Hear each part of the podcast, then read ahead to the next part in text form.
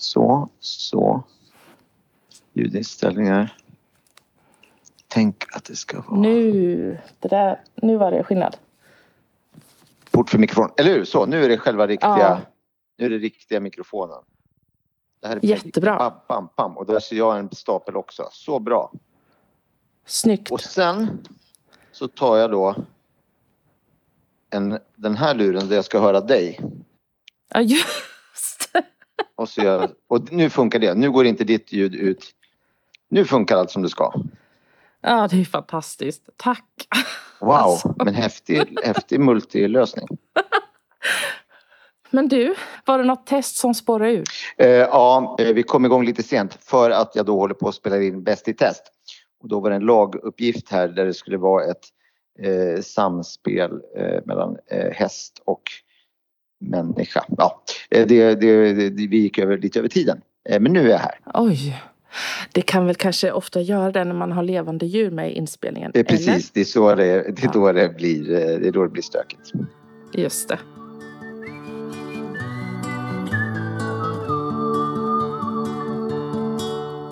Hejsan! Jag heter David Sundin och jag är alla möjliga saker.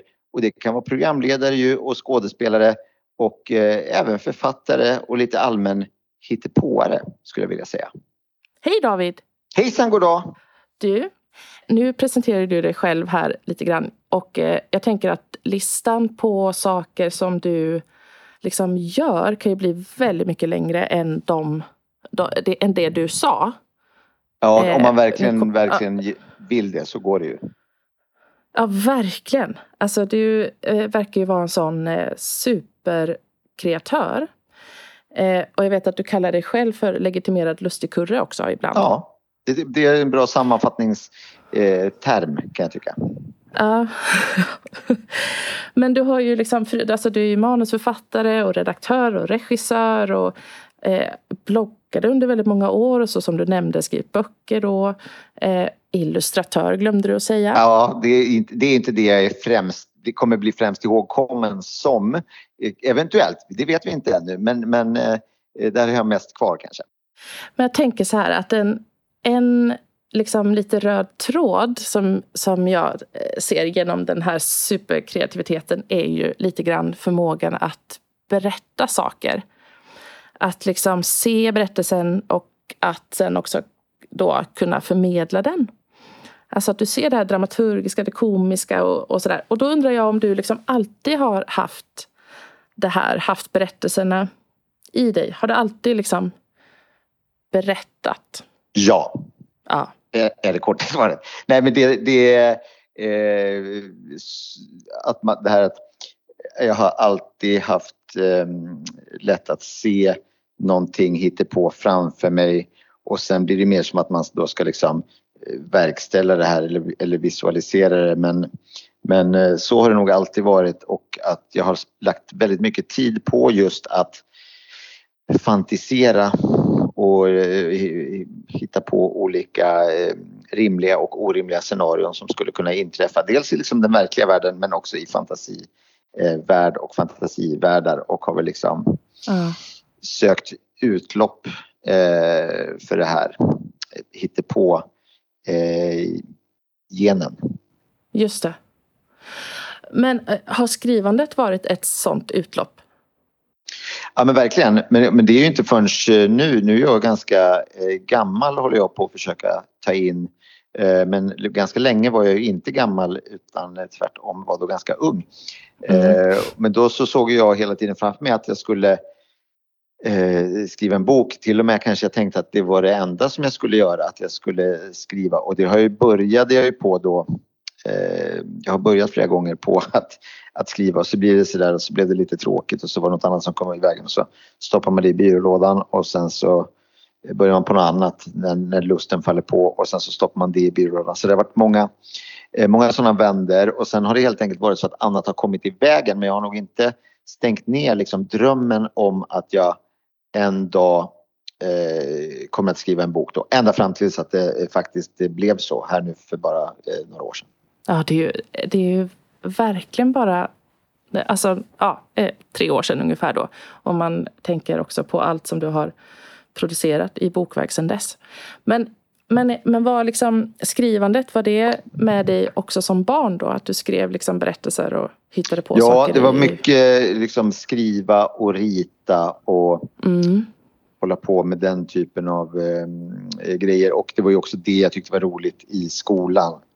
Som svenskan, att man fick eh, skriva och hitta på då, eller, eller bild när man fick eh, rita. Det var väl det som var liksom mm. mest fantasi eh, tömmande.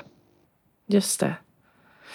Men jag tänker också det här med liksom eh, Alltså med humorn och att se det komiska i saker. Var det också något som, som du liksom hade som barn eller såg i dina och, och hade med i dina berättelser och sådär? Alltså, jag, att, jag läste någonstans ja. att du drevs lite av det som barn, att ha kul. Ja, men är det, det är alltid roligt när det är roligt och det är roligare eh, när det är roligt än när det är tråkigt.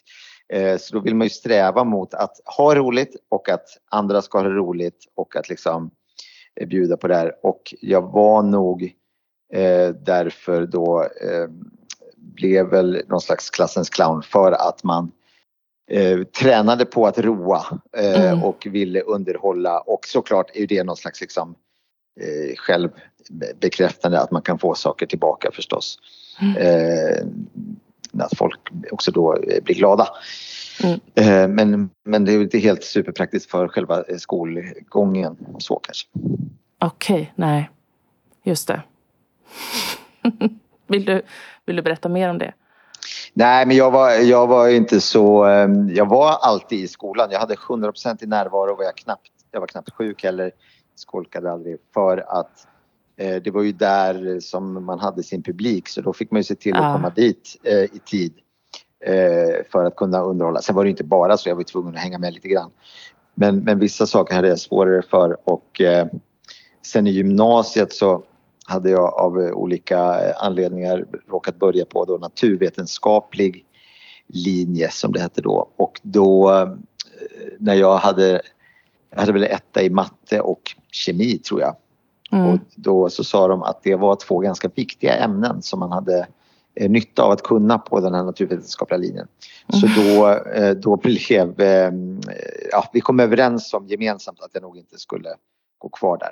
Och då började jag om igen då ett år senare på media gymnasiet. Det passade mig lite bättre faktiskt. Ja, just det. Men du, en, en annan grej som jag tänker lite grann när jag liksom läser på om dig och, och eh, och så, är alltså en annan röd tråd som jag tänker går igenom eh, alltså den här superkreativiteten då som vi kallar det nu. Det kan du, det kan du få veta. ja, eh, alltså det är ju eh, mod, att du är så himla modig. Och att du vågar testa massa olika saker. Eh, för mig är det, jag tänker att det kräver mycket mod. Eh, men det, jag har ju ett, något, ett, ett då, kanske eh, om du inte skulle våga prova på allt möjligt. Nej, men jag har ett, ett, väldigt bra självförtroende som är så att jag alltid tänker grundinställningen är att det här kommer bli jättebra. Alla kommer att tycka att det är jättebra. Sen är det ju inte alltid så och det blir inte alltid så. Men det som är det fiffiga är att om man gör en massa olika grejer så spelar det ingen roll. Eh, och om det blir till och med så dåligt så att man aldrig mer skulle få hålla på med det. Om det skulle vara nu så att eh, den här, ett, ett tv-program som man programleder eh, tokfloppar och ingen vill någonsin ha mig som programledare i ett program igen. Då eh, kanske inte det gör någonting. Det kanske rent utav är lite skönt för då kan man göra alla de andra grejerna. Eller om de säger du kommer aldrig mer få ge ut en bok i hela ditt liv. Eh, nej, men det är ju inte min enda liksom, det är inte min enda grej utan när det är så pass spritt då lutar jag bara över lite mot någon av de andra ja. grejerna. Eller får en helt ny idé istället. Det kanske snarare öppnar upp för någonting. Så jag är liksom aldrig rädd. Om, jag, jag tror att om man, om man är en sak då blir man väldigt rädd vid att liksom hålla fast vid det och att det ska funka. Att man inte ska ja, ta ut några svängar eller så. Men om man gör många olika saker så spelar det inte så himla stor eh, roll och man skulle kunna eh, bli av med en av de där grejerna utan att det är hela vägen. Och då vågar man testa, eh, testa lite mer. Mm.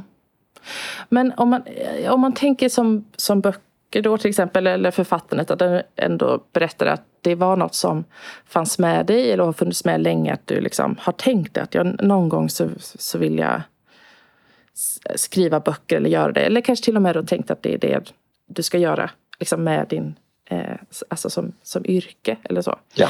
Men, men blir det, då, då måste det ju ligga lite, eller är det inte läskigt då? att, att göra det? Nej men dels har jag bara eh, väntat på rätt tillfälle. Det har gått en himla massa tid och jag var ju i, liksom i reklambranschen länge då man fick ja. skriva och man fick hitta på och där kunde man ju få utlopp för all den här, det är ju eh, reklambranschens eh, eller faran med det är ju att det hamnar en massa duktiga liksom bildhjärnor och kreatörer där för att man får utlopp för sin kreativitet man får uppskattning och man får bra betalt och så kanske man blir lite fast där. Personer som mm. kanske mm. borde, då inom citationstecken, sen kan man ju jobba med reklam för att man vill det också, men som borde vara konstnärer eller författare eller eh, musiker eller eh, något annat. Eh, och det är ju en, en, en risk och fara att man liksom då eh, dras in i det där och blir fast. Och jag höll på med det i eh, kanske 15 år och sen kände jag att nej det är inte det här. Nu, jag har liksom fastnat lite i ett sidospår och då mm. gjorde jag ett lite mer aktivt beslut att så här, men nu ska jag börja med alla de där andra grejerna som jag har sett framför mig hela tiden eh, mm. att jag ska göra. Så då eh, tog jag tag i det bara helt enkelt. Var stand-up en av de grejerna då? Ja, verkligen. Och det hade jag ju eh, en skräck för att göra ja. dessutom som jag var livrädd för. Men jag kände också att jag var tvungen att göra det för att det, liksom, det var som någon slags en magnetism som drog, drog mig till det där och bara så, men det där, jag kommer behöva göra det där en dag. Så jag, ja. så jag kommer behöva övervinna den här scenskräcken så jag bara fick eh, brotta ner den eh, och eh, gå vidare helt enkelt. Men det var väldigt lätt. Jag uppträdde ett, ett par gånger och var livrädd och eh, det var, det var liksom katastrof. Och sen insåg jag att man inte dog och, ja, och, och, att jag visste vad jag skulle säga för det hade jag repeterat in innan och då var det inte så farligt. Och då gick man bara upp och mm. gjorde det. Uh, och, och sen har jag älskat det sen dess. Ja, och fint.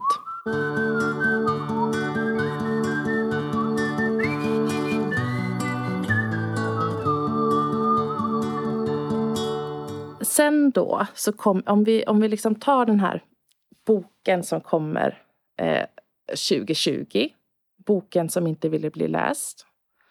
Den eh, kommer ju ut och så blir det liksom årets, alltså det årets mest sålda barn och ungdomsbok. Och den får massa priser, får det här svensk bokkonst och Adlibrispriset och Svenska bokhandelsmedhjälp Författareföreningen. Ja. Och jag vet inte hur många länder den eh, blir såld till? 25? Eh, det kan nog vara över 30 nu tror jag. Ah, ja, fantastiskt. Men hur kommer du på den här idén? Um, ja, men det var som så ofta annars. Jag får mina, de flesta idéer skulle jag säga har, har kommit som är sådana där lite större idéer. De kommer i någon slags halvvaket tillstånd på morgonen tidigt, eh, mm. ofta innan 06. Eh, och då så, men då måste man ha liksom, det är inget som bara, det vore ju en otrolig superkraft om man bara fick en idé. Och så funkar det inte utan man måste ju själv ha liksom öppnat den särskilda lådan för de här idéerna. Och, så att man har olika sådana lådor öppna och de öppnar jag och stänger med jämna mellanrum. Men så då kan jag ha en låda som är liksom tester för Bäst i test och då är den öppen och då är jag mottaglig för de idéerna eh, och att jag tänker lite på det eh, hela tiden. Eh, och nu så, och sen så får man liksom, nu stoppar jag undan den lådan för nu är det inte det jag ska, eh, det jag ska tänka på. Men jag hade skrivit, för jag hade då börjat, så jag hade, jag hade fått en idé som jag tyckte var så bra som var en, en, eh, mer en ungdomsroman, en, en eh, lätt humoristisk äventyrs ungdomsroman. Ja. Och så hade jag då fått den idén och liksom febrigt tyckt att den var så bra och då gått in i något liksom skov att jag skulle skriva den här boken. Och jag skrev och skrev och skrev på varenda ledig stund och jag bara satt och smattrade och skrev, skrev den. Jag skrev en, en lång och tjock bok som var det längsta jag någonsin skrivit och eh, det gick så bra och det blev så bra och kul och hej och. och sen så eh, gick jag in liksom i nästa fas, eh, in i en slags redigeringsfas där jag liksom började om igen på att liksom få ihop de sista detaljerna. Och då skulle jag ändra någon liten grej och då blev det så här, jaha fast vänta. Här nu. Då, om jag gör så för att det ska bli bättre, då har ju inte de träffats ännu. Så då måste det ligga där. Men vänta här nu då och så började jag flytta, flytta och sen mm. blev det liksom som ett korthus som bara rasade samman och det var bara och då försökte jag börja om med post-it-lappar som jag satte upp och skulle få struktur och ordning i den här historien som hade liksom havererat på något vis. Och sen så liksom sviktade allt lite tillsammans. Och sen drog jag igång med något filmprojekt och då blev det här liksom, okej okay, jag får lägga det här åt sidan ett tag och så får jag så vänta. Och då tror jag, jag, jag brukar inte påverkas av liksom yttre faktorer eh, och motgångar eh, något värst vidare. Och det gjorde jag väl inte egentligen nu heller utan tuffade på med någonting annat men jag tror att det låg och puttrade någon slags inre sorg över att jag hade liksom eventuellt mm. misslyckats eller haft sönder den här grejen. Och då tror jag att det kan ha varit min kropp och hjärna som eh, ville hjälpa mig lite på traven och eh, i, i, min liksom morgondvala masserade fram eh, den här idén så jag vaknade bara med en, en eh, titel. Jag hade, det var bara det, bara, boken som inte vill bli läst och att det var en barnbok och den vill inte bli läst och så satte jag mig upp och så bara jaha vad innehåller en sån och vad, vad skulle en bok göra för att inte bli läst? Ja, den skulle nog göra si och så skulle den nog göra så. Och sen började jag skriva och sen var ju den klar ganska snabbt eh, efteråt. För det är så här, ofta, ofta tycker jag att det är så att när man, när, just det där, man ser det framför sig och då handlar det bara om att göra ut den och då går det undan, då, då går det rätt snabbt. Just liksom. det. Ja. Och så var det. Och då gjorde jag ut den och då skickade jag till, för jag hade ju pratat med ett förlag om den här första idén redan och jag hade den och så sa jag att ah, det verkar, den verkar ha gått sönder, vi får höras. Och då skickade jag den här till dem istället då, till Bonnier Carlsen och så sa jag eh, vad tror ni om den här istället? Och då sa de jippi och hurra och eh, gav ah. ut ah. Men alltså, men den här, ligger det här korthuset kvar i någon låda? Ja men det finns ju och jag, jag, jag, jag gav mig in i det där getingbot här för ett tag sedan när jag tänkte vi har ju svårt då att bara alltså, ta ut den på baksidan och eh, skjuta den som ett, som ett husdjur som man gjorde förr i tiden med husdjur och vilka djur som helst, inte nu för tiden. Men, men att man då, eh, så jag började liksom kika i det där och, och då, men då har jag också glömt en massa grejer så jag bara så här, va? Vad hände här? Oj hoppsan. Men, ah. men jag, jag tror att jag en dag eh, kommer att ge mig in i den där och så jag kanske måste dra den åt något håll men jag vet inte riktigt var och Nej, det är en apparat. Precis. Och ibland är det enklare också bara att eh, göra något annat där man känner att det är, är, en positiv energi istället för någonting där man går in och mm. bara mm. eh, att det känns liksom att det är en, en uppförsbacke. Att mm. man börjar i uppförsbacke. Jag vill hellre börja i nedförsbacke med någonting som ah, mm. här bara åker vi neråt i en eh, herrans fart. Mm. Eh, och det känns lätt och vinden blåser i håret eh, istället för att man svettas i uppförsbacke. Mm, fattar, verkligen. Men det, men det är också, jag, jag tänkte att eh, jag tänkte fråga lite så här, hur, om det tog liksom lång tid att göra den här boken. För jag tänker att det måste vara, ändå vara svårt att välja ut alla eller att ändå liksom upprätthålla ett tempo i den och att det liksom finns ett driv framåt. Men hur mycket hinder kan man ha? Vilka, alltså, hur, hur gjorde du för att testa det? Eller liksom, Nej, ja. men jag hade inte och, och, och, jag hade, mina barn var liksom, den här boken var, eh, i, var i åldersgruppen mellan mina barn när den kom. Så jag hade liksom barn som var för gamla och barn som var för små så jag hade ingen att, ingen att testa på så. Men, men jag tänker inte att man, alltså jag, jag håller inte på med eh, någon sån testverksamhet eh, eller liksom fokusgrupper Nej. och så utan eh, man ska lita på sig själv och eh, det man har. Så jag knattrade på helt enkelt och så gjorde lite för mycket och sen så skalar man bort det och så sorterar man lite. Mm. Eh, så, så, det var inte så mycket liksom eh, joxande och pillande när man väl hade satt eh, det mesta. Och det som är fördelen då med eh, barnböcker och speciellt då liksom yngre barn är ju att eh, det, så många ord behövs inte. Det är ofta det som tar tid att, att mm. knattra ner. Eh, så att, sen är det ju längre, alltså formgivningsprocessen var ju liksom långt mycket längre än själva skrivprocessen. Mm. Förstås. Och så är det väl alltså alltid med, och med bilderböcker att det är liksom mm. Max äter banan. Går jättefort att skriva men det tar lite längre tid att rita. Mm. Just det. Men, och Orättvist här... kanske man kan tycka. Ja. Men på tal om formgivningen så är det ju Alexis Holmqvist som har gjort den. Ja, som gjorde den, den uh, allra första uh, gröna och sen de uh, efterföljande Caroline som jag gjort. Just det. Linhult. Eh, hur ser den processen ut, eller det samarbetet? För det tänker jag blir väldigt Alltså var det mycket utbyte mellan er då? Hur man liksom, hade du en vision av hur du ville att det skulle se ut? Ja, men att det skulle vara liksom... Det, det som var, det, det, det, första som hände var att um, jag ville att det här skulle vara, se ut som en gammal och tråkig bok. För att mm. alltså, så ser en bok ut som inte vill bli läst och att det skulle kännas lite magiskt och eh, det bygger på liksom att alltså när jag var liten och inte hade eh, någon videobandspelare och inte någon internetuppkoppling och ingen iPad och inget sånt. Utan det jag hade var liksom min mamma och pappas bokhylla eller de man var hos, deras bokhylla. Mm. Och, och, när man insåg där att man kan liksom, var som helst här så kan jag dra ut en bok och den kan innehålla vad som helst. Den kan se, den kan se jättetråkig ut men i den boken kan det vara en hel värld. Och då, jag säger inte att jag liksom läste vuxenromaner men det var ju liksom ja, men faktaböcker. Eh, liksom, jaha, här är en bok om mexikansk kultur. Ja, då sitter vi och kollar på de mm. liksom, bilderna eh, och tar in det. Liksom. Eller som i, i ordböcker med de liksom, illustrationer och bilder som fanns. Inte ordböcker, vad heter det? Uppslagsböcker. Mm. Eh, så att det, det, var den känslan jag ville åt och, och, och det var, fanns ett förslag som var liksom en färgglad kul barnbok som ser ut som eh, man skulle kunna förvänta sig att en kul och glad barnbok ska se ut. Mm. Och då var jag bara direkt så, ah, fast vänta här nu, stoppa belägg. Det där är ju en bok som vill bli läst. Det ser man ju tydligt, den är ju jätte, jätteglad och hoppas på att bli läst. Vi ska göra en bok som, som inte vill bli läst. Mm. Och eh, det är väldigt intressant att nu då, eftersom jag får ju varje gång den här kommer ut i ett annat land så får jag ju den eh, skickad till mig.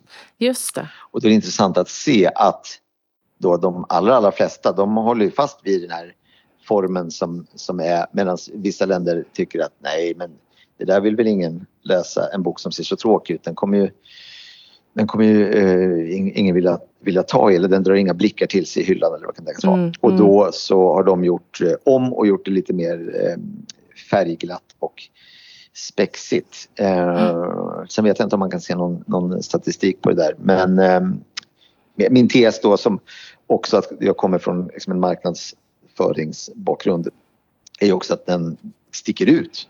Att den ser annorlunda ut mm. än alla de andra böckerna och att på så sätt skulle någon kunna säga jaha vänta vad är det här och då plocka upp den.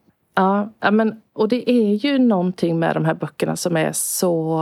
Alltså, jag tänker att det blir... Um, det är något med att det blir liksom en så allians mellan barnet och boken så, mot den vuxna. Och det blir väldigt kul. Liksom. Alltså, ja. Eh, att det är sådär... Det ställer ju lite krav på läsaren. Eh, det gör det verkligen, skulle jag säga. Och ofta när folk liksom nu som jag träffar på stan så de säger åh wow, wow vi, oj oj oj jag, jag läser din bok varje kväll för, för mitt barn eller mina barn.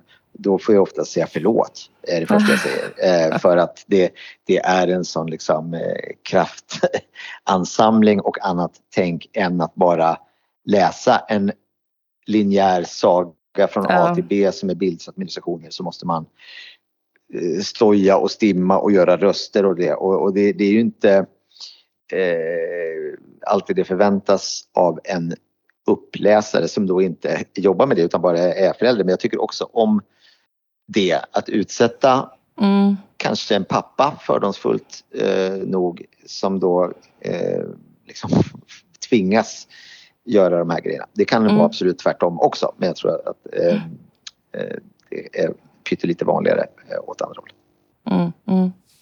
Ja men det, det, de gör ju verkligen det. Alltså de, det blir ju att det, alltså skapar eh, en gemenskap kring läsningen. Och jag läste någon, någon, som, eh, någon recension från den första boken som, som också sa något i stil med att så här, kul, bra, gör fler jobbiga böcker för oss vuxna för att det håller oss på tårna och det är liksom att man blir närvarande och fokuserad i, i läsningen med våra barn. Ja, det, det, är bra liksom. Det behöver, alltså, det behöver, det behöver vi ha. Men det jag känner att det behövs mer sånt och sen har det blivit liksom, jag skulle, det, det blir svårt för mig nu även om jag har idéer på en fin historia som är en linjär berättelse från A till B så har jag ju svårt att komma nu med en sån helt plötsligt som bara jaha, det här var en historia om någon som har tappat bort sin nalle och eh, mm. någonting hände eller började sluta med blöja eller vad det nu eh, är.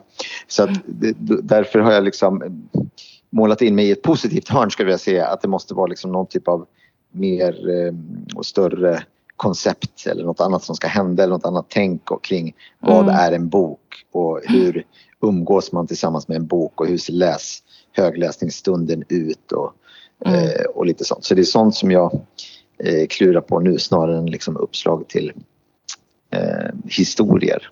Ja, just det. Just det. Eh, kände du redan från liksom första boken att så här, det, här, det här ska bli fler? Eller hade du liksom eh, fler eh, hinder och motstånd? Och...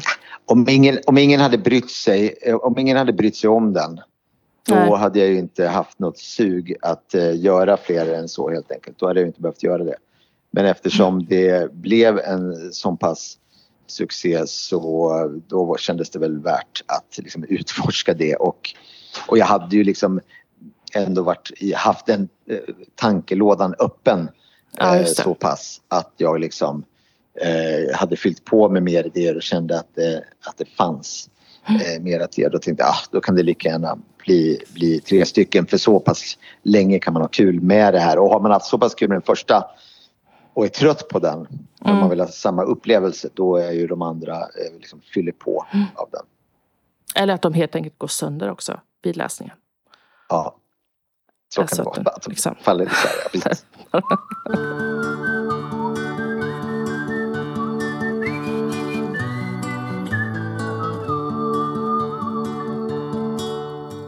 Men eh, jag tänker på den här ehm, eh, en annan bok som kommer bara året efter, 2021. Som du, när du liksom tar dig an och skriver till lite, en lite äldre eh, ålder. vad säger man? Ja, den är väl, vad heter den då? Heter den 7 till 11 kanske eller något sånt där? Ja, just det. Trollformler och besvärjelser. Ja, för vardagliga händelser. Ja, just det. För vardagliga händelser. Eh, det känns ju också som att det är en, en så här härlig liksom att det blir en, skapar en allians mellan boken och, och läsaren. Att man liksom eh, teamar upp sig. Men också ställer lite utmaningar då att man får liksom hitta de här hemliga meddelandena och ett hemligt språk, massa och koder och sådär. Ja, den är bland det krångligaste jag gjort och ja. det, jag fick ju äta upp lite grann men att men den är, för att det inte bara ska, heller ska vara så här, här är en bok, man ger den till sitt barn, läs den här boken och så är det ju för när barnet är lite större så är man ju ifrån det där högläsningsstunden. Mm. Då tänkte jag, och sen var det här för krångligt för många men för dem det inte var för krångligt för så var det ju eh, perfekt på så sätt att den här boken dels är bara då humoristiska trollformler för vardagliga händelser som är då i nutid. Att man skulle vilja ha bättre wifi, man har ett större mm. syskon som bråkar, man önskar sig något särskilt i födelsedagspresent eller man vill liksom peppa någon. Eller, så den är liksom gjord som en magisk trollformelbok men den är i vår tid och för moderna händelser. Men sen har den då den här ett liksom underliggande lager som är en, eh, en gåta som är liksom ett ganska komplext eh, liksom escape room eller vad man ska säga. Som mm. ett barn förmodligen inte klarar av själv. Eh, jag vet väldigt få barn som har klarat av den själv. Mm. Men så det, en av trollformerna är att man ska gå till en vuxen och säga liksom, jag behöver hjälp med det här. Mm. Och då i min värld så är det någon vuxen som kollar på, jaha, vad är det då? Jaha, oj, vänta här nu. Jaha, vänta, stämmer de här siffrorna ihop? Och sen så helt plötsligt så är de indragna i det här liksom äventyret och sen hamnar man någon annanstans och sen så händer det och sen händer det. Och helt plötsligt så är liksom barn och vuxna eh, och hela familjer indragna. Bara, vi, måste, vi måste lösa den här, det är något man ska lösa den här mm. boken. Eh, och jag, jag har ju fått då svar för att när man, när man går i mål med det här så öppnas det en kommunikationskanal direkt till mig. Och mm. därför får jag kontakt med alla som har löst boken. Eh, mm. om, man, om man väljer det. Om man väljer. Mm, så därför har jag fått då berättelser om hur det just gick till för dem när de löste det. Och för oss var det så här och jag kan eh, fråga och jag gratulerar till för att de har löst den för att det är alldeles, alldeles för krångligt. Och, och det var så synd om förlaget för att jag var tvungen att hålla på med liksom det var saker som skulle millimeteranpassas i tryckning och det skulle ah, vara på ett visst sätt och nej det där får inte stå där och, där, och det där måste flyttas upp lite där och så och jag var, var liksom, jag, jag höll på och höll på och petade så mycket där. Så den är ett, ett, ett otroligt eh, hantverk som ligger bakom den där ah, och jag verkligen. är så himla nöjd med att den blev eh, så bra. Sen har inte det blivit någon super eh, som den första men det är också för att eh, eh, man läser inte lika mycket när man är sådär gammal. Men för de som, som har eh, hittat den och uppskattat den så har den varit mitt i prick verkligen. Ah, verkligen. Men alltså då har du gjort alla de här grejerna i, alltså jag försökte faktiskt tidigare idag eh, förstå eh, vad det stod på den här. Jag fastnade för den trollformen för, för det, det, det är också, de, alltså förutom att det blir liksom skratt och bus och allt där så ingjuter det också massa alltså, mod och hopp och, och eh, lite tröst också. Alltså det är ju tröst, eh, trollformler också om man kanske saknar någon eller Alltså någon som har eh, gått bort eller sådär. Ja, men den är väldigt fin och det är inte, absolut inte bara trams. Det är absolut inte bara trams utan den är ju, vi ska ju ta de känslor som kan tänkas finnas i den där åldern och också hjälpa till att hantera dem lite grann. Mm. Sen så är ju en trollformel liksom, gör väl bara så mycket hjälp men, men eh, det är mm. mer ett tankesätt som det förmedlar också ja, hur, hur man liksom ska ta sig an det där. Ja, det är jättefint. Det, det är så fint eh, tilltal tycker jag i boken. Tack snälla. Det är det i, i, i de här eh, böckerna som inte ville bli lästa också. De slutar också så himla fint. Sista sidan. Ja. Oh, så fint. Ja. Men jag tänkte på den här trollformen i alla fall så, så försökte jag lösa det där. Liksom, eh, Hur tycker du att det gick? Nej men det gick ju inte David. Nej, nej du ser. Nej. Man, man, man behöver vara man och det, det, ibland kan det vara svårt för, det kan vara svårt för vuxna också speciellt själva och jag tror att det är sådär man behöver vara flera för olika personer är bra på olika saker och så men, men eh, jag har fått de mest fantastiska historier där verkligen så här något litet litet barn har kommit in och bara men vänta det är så här, aha! Och så öppnas det äh, någonting och bla bla. Äh, och sen så sorpar mamman in det sista som vad håller ni på? Ja, vi har suttit i två timmar nu, vi kommer inte vidare. Ja men där, det står ju där rätt upp och ner. Jaha, Ah. Och då kommer de i mål. Liksom. Eh, så det, ehm, eh, nej, det, och det är inget man gör på, på en eftermiddag hipp som happ utan det är också, det tar ett tag. Det är alldeles för krångligt och alldeles för svårt men det är med flit. Ja, men har du, kan, det, hur har du lärt dig allt det där? Eh, nej men jag är väl intresserad av eh, klurigheter eh, mm. och när det är den där typen av krångel och liksom gåtor och skiffer och logiska lösningar och eh, lite sånt där. Och då har väl allt det jag eh, hade i mig olika sätt och jag är gammal scout och vi höll på massor med såna här skiffergrejer och ah. sånt också. Så vi, ah. till slut så allt det här kom samman eh, ah. i det här skulle jag säga. Ja, väldigt kul. Men jag ser fram emot för när du har löst den då som sagt kommer jag att få veta det. Ja. Eh, och då hörs vi då. Ja, men det gör vi. Tack. Mm, mm, mm. Tack och hej. Nej, eller nej. Ja.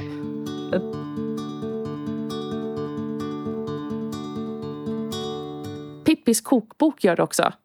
Ja. Hur kommer du på det här då? Att Pippi, först tänker man att vadå, är det så mycket mat, pepparkakor? Ja, men, men det är det ju.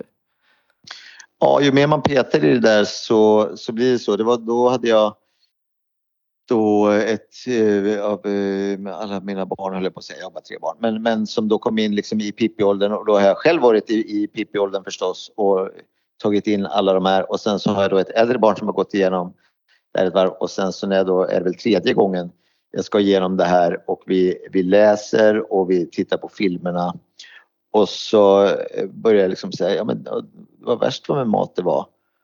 Och mm. då börjar jag liksom säga, vad skulle det kunna gå att få ihop till en, en, eh, till en hel kokbok? Och då, börjar, då plöjer jag från då plöjer jag allt från början till slut eh, med bara det, med liksom mäntingsblock och så bara får jag ner allting och ju mer jag håller på så bara ja, jo, det går, här går det att få ihop eh, mm. till en hel bok. Och då så eh, kontaktar jag förlaget och bara säger att eh, och då, jag gör alltid, jag, jag brukar sällan skicka liksom en idé eller alltså att bara texterna, jag, jag gör ut som en en dummy, jag gör en skiss så att man ser mm. så här, ah, omslaget mm. skulle kunna se ut så här och sen så ser omslagen ut så här och, och så här att man ser att det, att det finns fyllning i idén, att det inte bara är liksom idé. Så jag tar det ofta ganska långt så också så det ska bli enklare att fatta beslut och säga så här, ja men gud den här boken är ju snudd på färdig, då är det bara att och, och köra igång. Och så skickar jag den och då och, och liksom med, med lite någon, någon klatschig promotext och lite sådär. Så här skulle man kunna göra. Och, eh, de, och då, då är det ju en fördel då av att ha sålt den mest sålda eh, ja. barnboken ett år då, precis innan att komma med den här idén för då blir man ju lyssnad på. Mm. Eh, och hade jag varit någon annan hade man kanske inte lyssnat på samma sätt. Men då tyckte man att det lät intressant och jättekul. Och då fick jag liksom grotta ner mig i det här och skriva om eh, all den här maten som är med och gå in i, i Pippi-världen och i, i eh, Astrid Lindgrens hela eh, huvud och rota runt där. Mm. Det var väldigt, väldigt eh, mysigt eh, ah. att skriva den. Men för visst fick du också eh, hoppa in i Astrid Lindgrens lägenhet? Ja, det var, det var ett villkor som jag hade. Eh, mm. att, eh, och pressbilderna, de tar vi eh, hemma hos Astrid. så, är det, så är det bara med det. Eh, och då fick, eh, fick vi komma dit och eh, ta det med så att jag står och flippar pannkakor i hennes kök eh, och sitter vid hennes skrivbord och en, ja. någon fåtölj som hade det. Det var Otroligt. Eh, häftigt. Men Pippi är väl och har varit och fortsätter att vara en viktig person för dig? Eller? En viktig karaktär? Ja, men det, och, och, det tror jag alla har väl liksom lite något, något stråk av Pippi i sig på något vis. Men, men det är ju en sån fantastisk, alltså det, är inte, det är ju noll konstigt egentligen att det är en av världens mest kända barnbokskaraktärer och att den har översatts till över hundra språk. Eh, är ju mm. för att det är ståndligt med den här tokan eh, som eh, skiter i allt och bara liksom eh, ångar på med sin egen stil och förvisso är jättestark men, men eh, har då de här egenskaperna men, men framförallt som går, går sin, helt sin egen väg och eh, struntar i allt annat. Och det är ju då på, på många sätt en, en eh, förebild men som då också är snäll och, och hjälpsam till skillnad från eh, Karlsson till exempel som, som är, är, inte lika trevlig men som också har sin, eh, sin, sin charm tycker jag. Mm, absolut.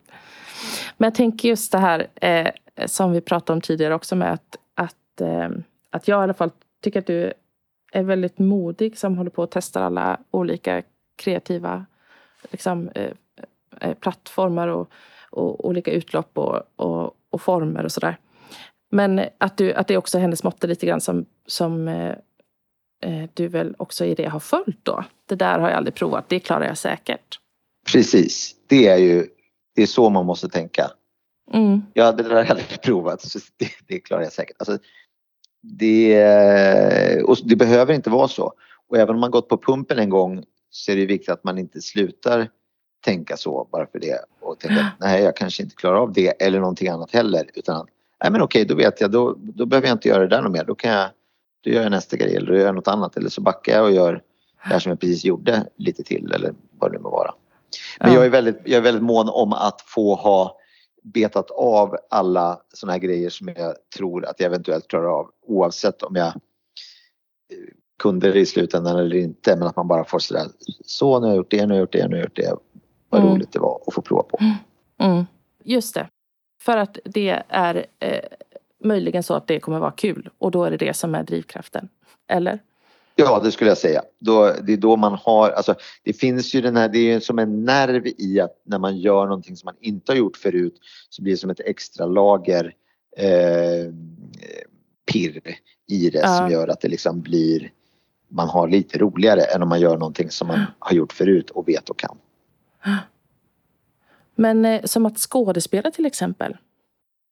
Ja, det har väl inte varit någon självklarhet heller kanske men, men det har jag också gett mig på. Sen är jag ju ja. inte och vilket är skönt då att jag inte, det står inte och hänger nu på, alltså nu har eh, då nästa, eller Knyckertz-filmen har premiär 1 december och det, det, är inte avgörande för mig att det är liksom, jag får jättefina recensioner och alla tycker att det är kanon och eh, för att det bygger på att jag sen får göra en till filmroll och en till filmroll.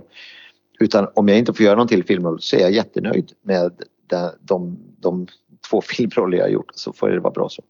Mm. Men eh, för eh, långfilmen om Knyckert kommer ut, är det första december? Första december ja. Som det är premiär. Kul! Det ser vi fram emot mycket. Den, den verkar bli jättefin. Jag har inte sett den i sin helhet men den verkar bli fin. Ja, det är Anders. Hej Anders, det var Emma här. Hallå Emma. Hej. Jag tänkte jag har en fråga till dig i egenskap av eh, författare till eh, böckerna om familjen Knyckertz. Ja. Hur kommer det sig att David Sundin fick rollen som pappa Bove? Eh, David?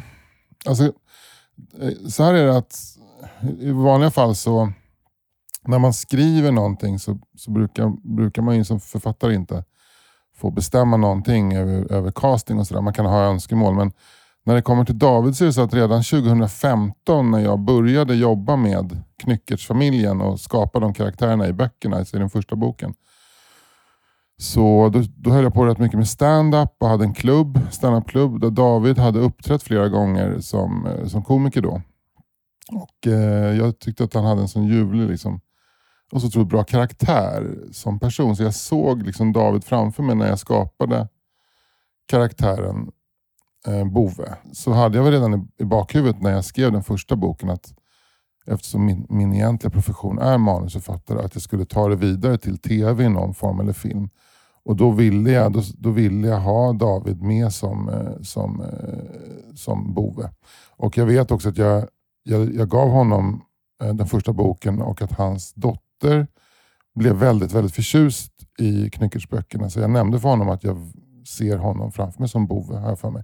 Och det, det, känns ju verkligen som en, en lyckträff. Också att, när man tittar på, på, på Knyckertz-universat så är ju det det är rätt hårt egentligen. Det handlar ju om två barn som växer upp i en familj som drivs framåt av kriminalitet. Och för att det ska funka, för att man inte ska liksom tappa koncentrationen på berättelsen så måste det finnas garanter i familjen för att det kommer, inget farligt kommer hända.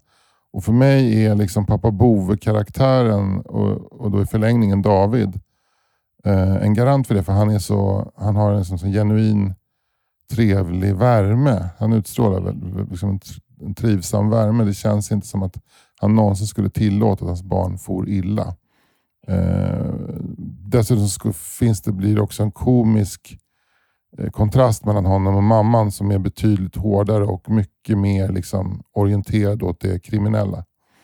Mm. Eh, så att, men, ja, men han, han, han, för mig kändes han nödvändig för att liksom, humorn skulle gå fram, för att det skulle funka med den här konstellationen. Liksom. Du, fint, vad bra. Ja, ha det gött. Ha det så bra. Hej, hej. Hej.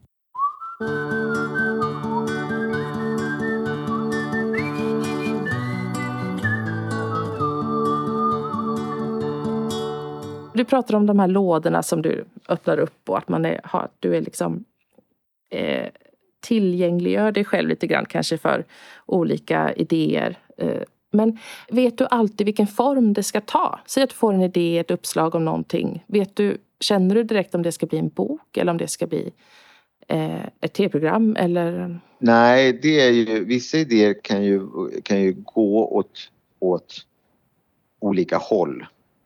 Eh, vissa mm. idéer kan vara flera saker, vissa idéer kan bara vara en sak och då är, det bara en sak. Men, men som en historia, eh, då de som jag har eller som den här som jag eh, skrev på så länge och de som man bara har börjat på lite grann. Det skulle ju kunna vara en tv-serie, det skulle kunna vara en långfilm, det skulle kunna vara en bok, det skulle kunna vara en julkalender, det skulle kunna vara ett spel, det skulle kunna vara en massa olika grejer. Och då gäller det ju att liksom hitta rätt i det där och Mm. få den åt rätt håll. Precis. Hur gör man det? Det finns, det finns inget bra eh, svar på det riktigt. Sen ska man väl vara glad för vad det än blir. Men att de där ligger ju. Om det sen helt plötsligt kommer någon och bara säger Halloj, har du en idé till en julkalender? Och då får man bläddra igenom dem och säga ja men det här skulle kunna vara det. De, som, Mm. de här grejerna som ännu inte har blivit någonting. Oftast så ser man ju en, en klar framtid för sin idé eventuellt. Mm, Eller så mm. hamnar det på olika liksom. Ja, hamnar det någon annanstans. Den där ungdomsboken kanske ska bli film? Så kan det bli. Mm. Så kan det bli. Då slipper jag skriva klart den höll jag på att säga. Nej, men då behöver jag, det kanske eventuellt, det, är, det kanske till och med är eh, enklare så. Mm. Men berätta om eh, eh, nya boken nu då som kommer i veckan, i dagarna, snart, i övermorgon. Eh, Eh, kan det vara i övermorgon? ja, alltså vet du vad? Den är, när det här, till de som lyssnar så är den ju ute nu. Det- Då, den behöver vi absolut inte reda ut när den kommer. Nej. För då, är det, då finns den här redan i, affären. Just. Eh, den heter Nu måste man faktiskt vara tyst. Ja. Och sen är ju det eh, då en eh, bok som handlar om att stopp och belägg, nu är det dags att vara tyst. Förmodligen är det, läser man det här väl vid läggdags då är det väl eh, man läser större delen av böcker som man läser högt. Men man kan läsa den när som helst. Men det går alltså ut på att den som läser boken slash boken berättar att nu måste man faktiskt vara tyst. Men sen så dyker det då upp saker eh, i boken som eh, låter och tillsammans så busar liksom eh, den som är högläsaren som då tvingas läsa att säga, man får, nu måste man faktiskt vara tyst. Man får inte göra ett litet pip och inte ett lite större pip och inte ett jättestort och så står det liksom större och Mm. större så att Mm. de tvingas ta i fast man då måste vara tyst och så blir det busigt. Så att man busar liksom, de busar tillsammans skulle jag säga. Innan var det kanske mer liksom att eh, föräldern eller den vuxna eller uppläsaren blev liksom den som blev bortgjord lite men nu är det som man Mm. busar tillsammans och så kommer en stor knapp som man kan trycka på som låter jättemycket och sen så är det ett helt trumset plötsligt som man kan spela på och det kommer en brandbil och så så att det blir någon slags upprorsstämning mot att man måste vara tyst som boken eller till och med min röst är det som säger att nu måste man vara tyst och så Mm. lyckas inte då uppläsaren och eh, barnet med det här. Och förhoppningsvis så uppstår det fniss och någon slags Mm. gemenskap när man läser. Ja, precis. Älskar att, också, att det blir de här liksom, alltså att man får, det blir lite eh, anarkistiskt och lite Ja, tänja lite på gränser och på lite, alltså det är ju en klassisk så här, nu måste man faktiskt vara tyst eller eh, inte liksom. Man får inte läsa den här boken och så vidare. Och så precis. kan man få liksom, ja det är härligt, det gillar vi.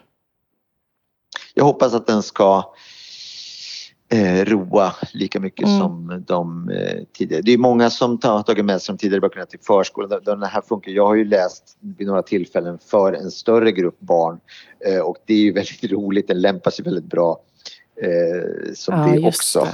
Ja. Eh, det här att liksom läsa för många, alltså som på eh, förskola eller eh, skola eller någon slags sammankomst. Den har ju blivit många som tar med sig den för att liksom här, läs den här och så blir det Ja. synd om de som ska läsa.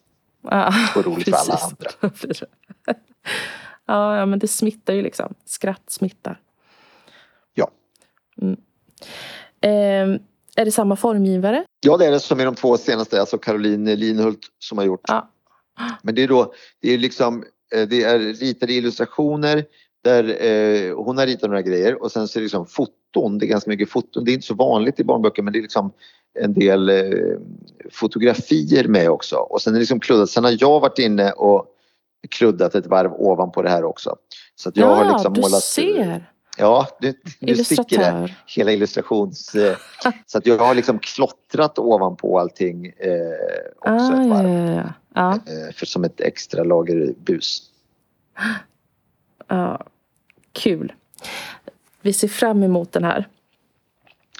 Eh, jag hoppas att det går bra. Ja.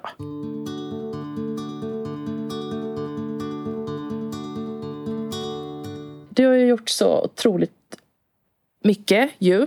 Och som, alltså, ja, testat på så många olika eh, eh, uttryck och så. Men finns det något sådär som du eh, ännu inte har utforskat som du gärna skulle vilja utforska? Eh, nej, men det är inte, jag börjar känna mig supernöjd med allt. faktiskt. Men jag har några grejer, till exempel Alltså så här, när man eh, står på, inför en massa folk och man gör stand-up så är det liksom, det, det varierar sig från kväll till kväll. Det, man kan hamna på massa olika eh, ställen, alltså när man pratar sådär. Men att, att spela teater, att man är i ett gäng, man förväntas göra exakt samma sak varje kväll. Man kommer dit, man står i kulissen, man ska gå in om tre, två, ett och så går man in och så säger man sina grejer och så går man ut. Och så, så byter man till några andra kläder och så kommer man in och så, den grejen känner jag att jag liksom har kvar och att det finns en magi och mystik kring mm. som jag inte har liksom fått uppleva eller fått utforska. Eh, det tycker jag att jag har, eh, har kvar. Kanske mm. då även att skriva en långfilm och liksom eh, kanske regissera och få den att bli som man mm. ville ha den från början. Eventuellt. Mm. Mm. Sen vet jag inte om det är något, ja, jag kanske ska rita och skriva. Men det som känns bra är i alla fall att liksom skrivandet kommer, jag måste inte ha det kvar men, men jag vill gärna ha det kvar och det är det jag hoppas ha kvar ända till uh, the bitter end. Att jag liksom kan få skriva av mig i alla fall. Mm, mm. Skriver du dagbok och så? Skriver du nej. liksom? Nej. nej. Aldrig gjort?